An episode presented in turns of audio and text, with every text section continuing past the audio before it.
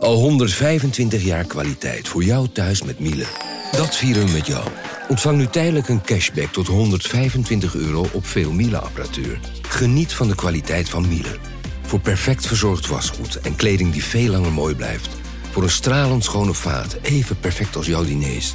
En een stofvrij thuis waarin echt hygiënisch schoon de standaard is. Check miele.nl voor alle feestelijke aanbiedingen. Ik ben al jaren ondernemer, maar waar moet ik eigenlijk allemaal aan denken nu ik voor het eerst personeel wil aannemen, voor het eerst ga importeren of voor het eerst een bedrijfslocatie zoek? Weet wat je wel of niet moet doen bij zaken die je voor het eerst oppakt. Check kvk.nl voor praktische stappenplannen. KVK, hou vast voor ondernemers. Vanaf de redactie van NRC het verhaal van vandaag. Mijn naam is Thomas Ruip.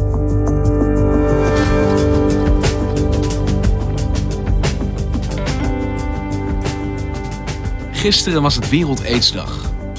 Nog altijd krijgen zo'n 700 Nederlanders per jaar diagnose HIV. Toch bestaat er tegenwoordig een medicijn dat beschermt. PrEP. Waarom is die pil in Nederland nog steeds niet voor iedereen beschikbaar?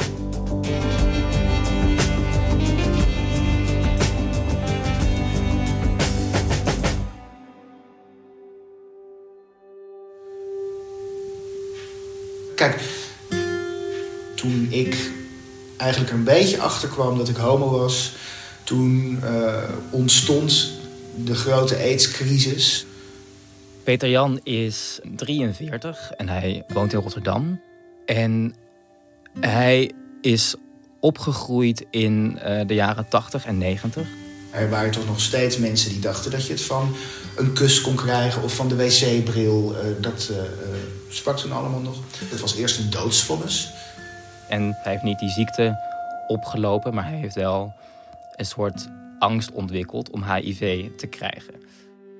Menno CD schrijft voor NRC over seksualiteit en gender. Zeker omdat hij in die tijd, dus in de jaren 90, vrienden heeft verloren die wel aan AIDS uh, zijn doodgegaan. In mijn studententijd um, kende ik redelijk wat jongens met uh, HIV, die er ook allemaal niet meer zijn. En ja, hij zegt dat zijn beste vriend in de jaren 90 is overleden uh, aan AIDS. Het is, als je er goed over nadenkt, kijk, elke ziekte is vreselijk, maar um, het is zo'n. Zo, HIV is zo cru. Dus die angst heeft hij nu nog steeds. Dus hij heeft daarna wel een relatie gekregen en ook een lange monogame relatie gekregen, waardoor je nou ja, eigenlijk nauwelijks kans nog loopt om HIV te krijgen. Maar um, toen ging zijn relatie uit en hij merkte toen dat die angst om HIV te krijgen uit de jaren negentig weer helemaal terugkwam. En wat doet hij dan? Um, hij gaat op internet uh, zoeken hoe hij zichzelf beter kan beschermen tegen die HIV. En komt er al heel gauw achter dat er, dat er PrEP bestaat. Dat is een, uh, een medicijn die je beschermt tegen een HIV-infectie. Dus een preventief medicijn. En um, dus hij gaat naar zijn huisarts toe en, en vertelt eigenlijk dat hij aan de PrEP wil. Maar ik was de enige patiënt die erom gevraagd had ooit bij hem. En die huisarts die weet er heel weinig vanaf. Maar hij komt dus zelf ergens dit medicijn tegen, hoort hierover, hij gaat naar zijn huisarts, maar die moet zichzelf eigenlijk nog inlezen. Die kent dit eigenlijk nog niet. Nee, precies.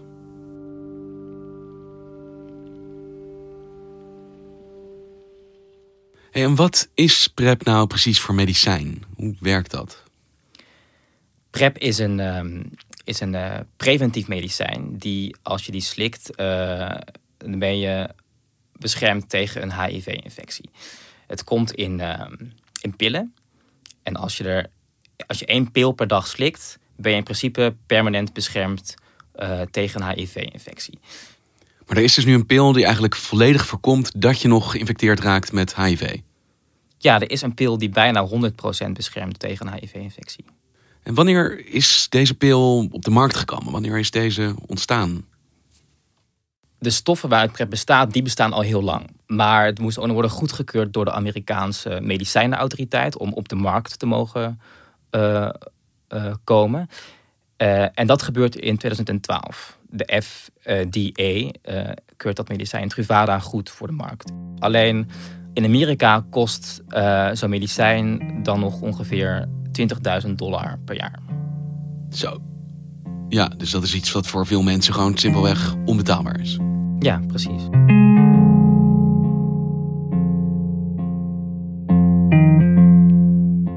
En wat doen Europese landen bijvoorbeeld? Die zien dit natuurlijk ook gebeuren daar. Ja, dus het duurt nog heel lang voordat ook in Europa uiteindelijk de medicijnenautoriteit, dus de IME, uh, Truvada goedkeurt voor de markt. Uh, dat gebeurt uiteindelijk in 2016, dus vier jaar nadat dat in Amerika gebeurde. Uh, maar daarna gaat het snel. Daarna zijn er heel veel landen die uiteindelijk uh, op een manier besluiten wel om PrEP te vergoeden. Uh, Frankrijk, Noorwegen, Spanje, Portugal, België, allemaal in de jaren daarna hebben ze allemaal een regeling bedacht om PrEP te verstrekken. En Nederland? Wat doet Nederland? Nederland, die ehm, toen nog minister Schippers van Volksgezondheid, die zegt nee, ik wil nog eerst wachten op de gezondheidsraad om een goed advies te krijgen over wat nou echt het collectieve belang is om uh, PrEP voor een risicogroep uh, te vergoeden. En de Gezondheidsraad is een onafhankelijke instantie die de overheid adviseert. Is dit de gebruikelijke weg die zo'n medicijn aflegt? Ja, in principe wel. Het is heel gebruikelijk voor als jij een, als jij een nieuw medicijn of en zeker een preventief medicijn of een vaccin in Nederland wil introduceren. Dan is het heel gebruikelijk om eerst de gezondheidsraad te vragen voor een goed advies. Om zeker te weten hoe je dat moet doen. Maar critici en zeker zo de belangengroepen die zeggen... ja, er is al zoveel onderzoek geweest in het buitenland... naar de effectiviteit van PrEP. Dus of het werkt tegen HIV, dat staat buiten kijf. Ja, want je hebt de FDA gehad en de Europese IMA, de EMA... die hebben allemaal gezegd het werkt. Het werkt, ja. Plus, Um, het is zelfs kosteneffectief. Want een HIV-infectie is enorm duur voor de maatschappij. Dat kost uh, gemiddeld een half miljoen euro per infectie over een mensenleven. Dus uh, in 2015, 2016 was er al onderzoek geweest naar de kosteneffectiviteit van PrEP. En zelfs bij die hoge prijs van 550 euro per maand loont het om PrEP te vergoeden.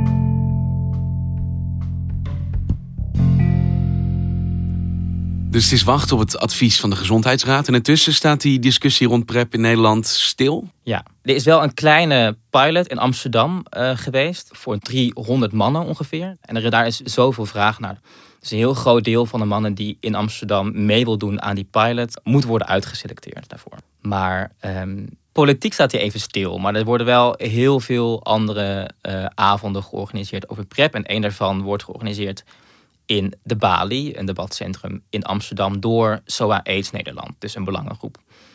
Uh, en zij nodigen zoveel mogelijk parlementariërs uit voor die avond. En uh, uiteindelijk zijn Pia Dijkstra van D66 en Linda Voortman van GroenLinks daar aanwezig. Femke Halsma leidt die avond. Goedenavond. Zij is dan uh, de voorzitter van de Raad van Toezicht van het AIDS-fonds. Dankjewel, Koen en Louise. En zij beginnen dan met een een soort quiz. Quiz over prep. Met rode en groene kaartjes. Uh, die ken je wel van, van menig uh, heidag. Heb je het verkeerde antwoord gegeven, dan ga je zitten. En ik hou dat heel scherp in de gaten. En dan uh, de eerste stelling die, uh, die Femke Halsema poneert is... PrEP is even effectief tegen een HIV-infectie als een condoom. Oké, en voordat je het antwoord geeft, wat antwoorden zij hierop, die parlementariërs? Uh, niet waar, een rood kaartje. En het antwoord is? Het is waar. Groenen hebben het goede antwoord gegeven. Oh, politici. Dus zij wisten zelf eigenlijk niet hoe effectief PrEP was op dat moment nog? Nee, toen wisten denk ik Pia Dijkstra en Linda Voortman nog niet helemaal precies de details van PrEP. Maar jullie kunnen de hele avond bijleren. Maar die avond is wel denk ik heel belangrijk geweest voor hun opvatting over PrEP.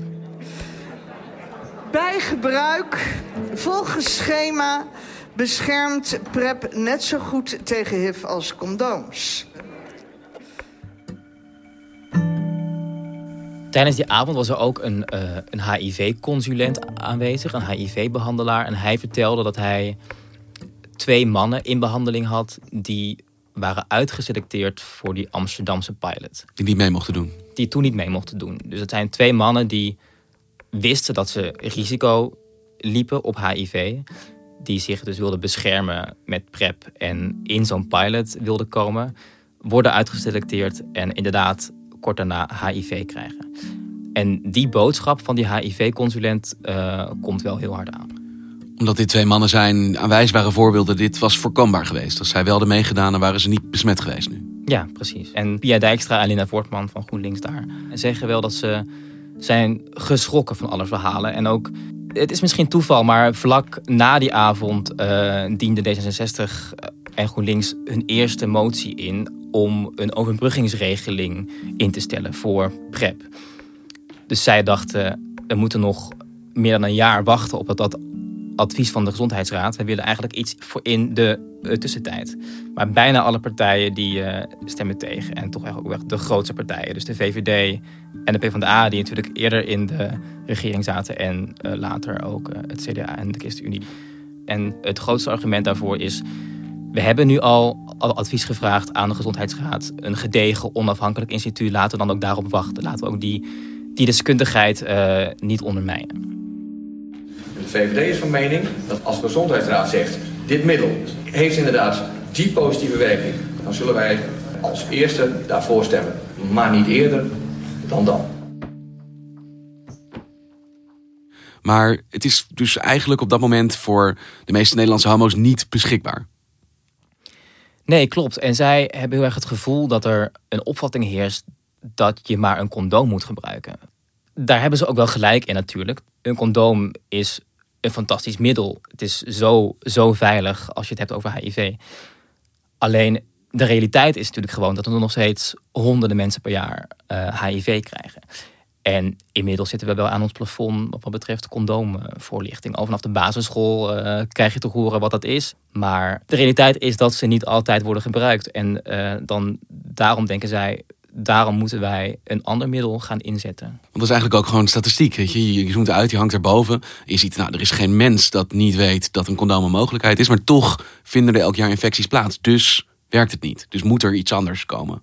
Ja, het werkt deels. En uiteindelijk voor dat laatste stukje, stukje HIV-bestrijding uh, zou je kunnen zeggen... We hebben iets anders nodig. Maar het komt er niet nog dan op dat moment. Want het wordt weggestemd. Dus het argument is, nou ja, in de tussentijd gebruik je maar gewoon een condoom. Ja, precies. Uh, daar zijn een paar mensen klaar mee. Waaronder Anthony Omen. Als er een probleem is waar, waar de overheid echt geen aandacht aan wil besteden... en waarin wetgeving in de weg staat... dan mag dat geen beletsel zijn om niet toch iets te doen. En dat te doen wat nodig is. Hij is de oprichter van PrEP Nu, een actiegroep. In ons geval was dat zorgen dat er PrEP is in Nederland. En hij schrijft uiteindelijk maar in een blog uh, post van hem, zegt hij... Als het niet opschiet, dan begin ik binnenkort maar een eigen winkeltje in de Jordaan. Ik denk erover om uh, dan maar zelf PrEP te gaan verkopen. Want hoe, hoe gaat dat in zijn werk? Het was eigenlijk heel simpel. Zij komen erachter dat in het buitenland en dan vooral in landen in Afrika en in Azië PrEP stukken goedkoper is. De wetgeving was dat je van elk medicijn wat geregistreerd is ergens, mag je 300 pillen importeren. Het patent van uh, Gilead die geldt daar niet. Dus daar is het al langere tijd mogelijk om goedkopere PrEP te ontwikkelen. En uh, ja, zodra het nog hier in Nederland 550 euro is uh, en uh, daar voor enkele euro's is te verkrijgen, dan is zo'n vliegticket, dat, dat loont wel. Dus toen hebben we een netwerk opgezet van mensen die toch toevallig in Bangkok moesten zijn. En die brachten voor ons dan tien potjes generieke PrEP mee. En mag dat? Um, SOA AIDS Nederland, dus die belangengroep, had uitgezocht inderdaad of dit mocht. En zij zeiden, nou bij een maximum van een aantal doosjes uh, mag dit. Dan mag je het gewoon voor eigen gebruik uh, door de douane nemen. Dus hij zegt uh, letterlijk van, ik had stapels, ik had doosjes vol met prep in mijn keukenkastje. En iedereen die wilde, die kon bij mij aanbellen. Um, en het waren echt honderden mannen. We hebben dat niet zomaar gedaan, hè? Dat, moet je, dat wil ik even wel benadrukken om dat te kunnen doen hebben, hadden we een heel consult opgetuigd. Nierfunctietest, de pillen waren 100% betrouwbaar en ook hoe onze manier van werken vond ik echt goed volgens de standaard van wat de, de PrEP-richtlijn in Nederland is.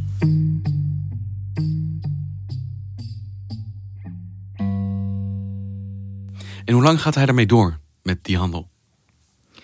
Dat duurt ongeveer een jaar, omdat aan het eind van 2017 de prijs van uh, PrEP in Nederland uh, enorm daalt, wel met 80 procent. Het was eerst 550 euro per maand en nu al heel gauw wordt er, vervalt dat patent in de zomer van 2017. En uiteindelijk is het dan uh, PrEP voor 100 euro en nog, nog even later zelfs voor 50 euro per maand beschikbaar.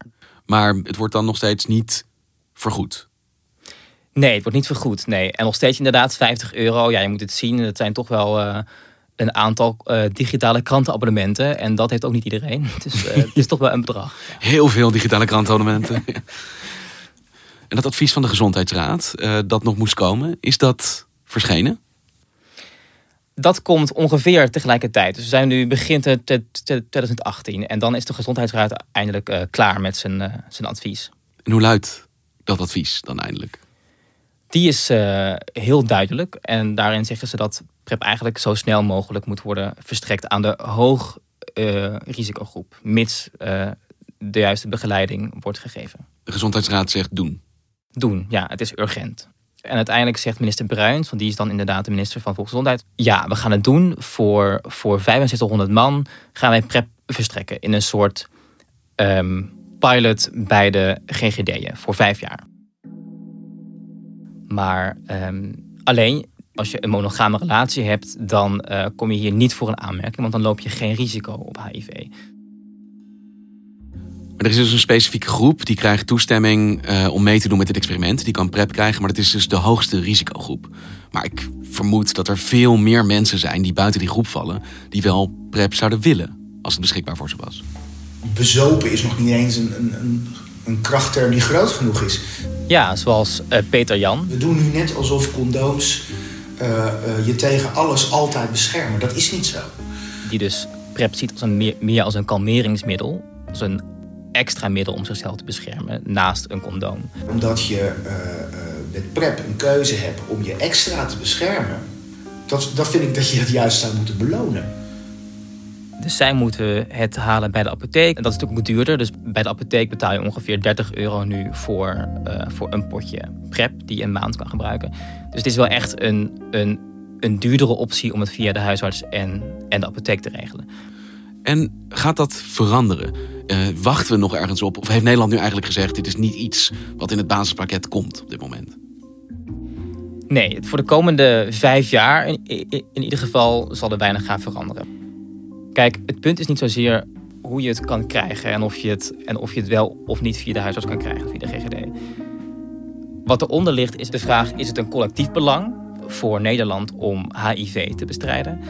Of is het een eigen verantwoordelijkheid om geen HIV te krijgen? En wie is nou degene die uiteindelijk die die hamvraag moet gaan beantwoorden? Ja, uiteindelijk kan natuurlijk de minister dat besluiten die heeft ook gezegd: het is een collectief belang om HIV te bestrijden. Naar aanleiding van dat advies van de Gezondheidsraad. Maar hij zegt ook: het is ook deels je eigen verantwoordelijkheid. Dus nog steeds vragen we wel een kleine bijdrage als je PrEP wilt. Dus hij gaat er een beetje tussenin zitten.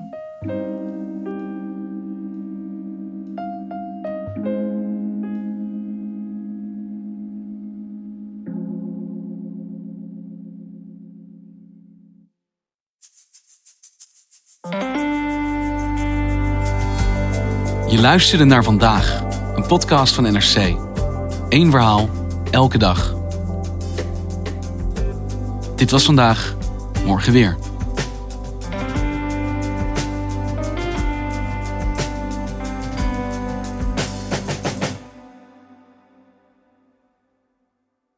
Technologie lijkt tegenwoordig het antwoord op iedere uitdaging. Bij PwC zien we dit anders.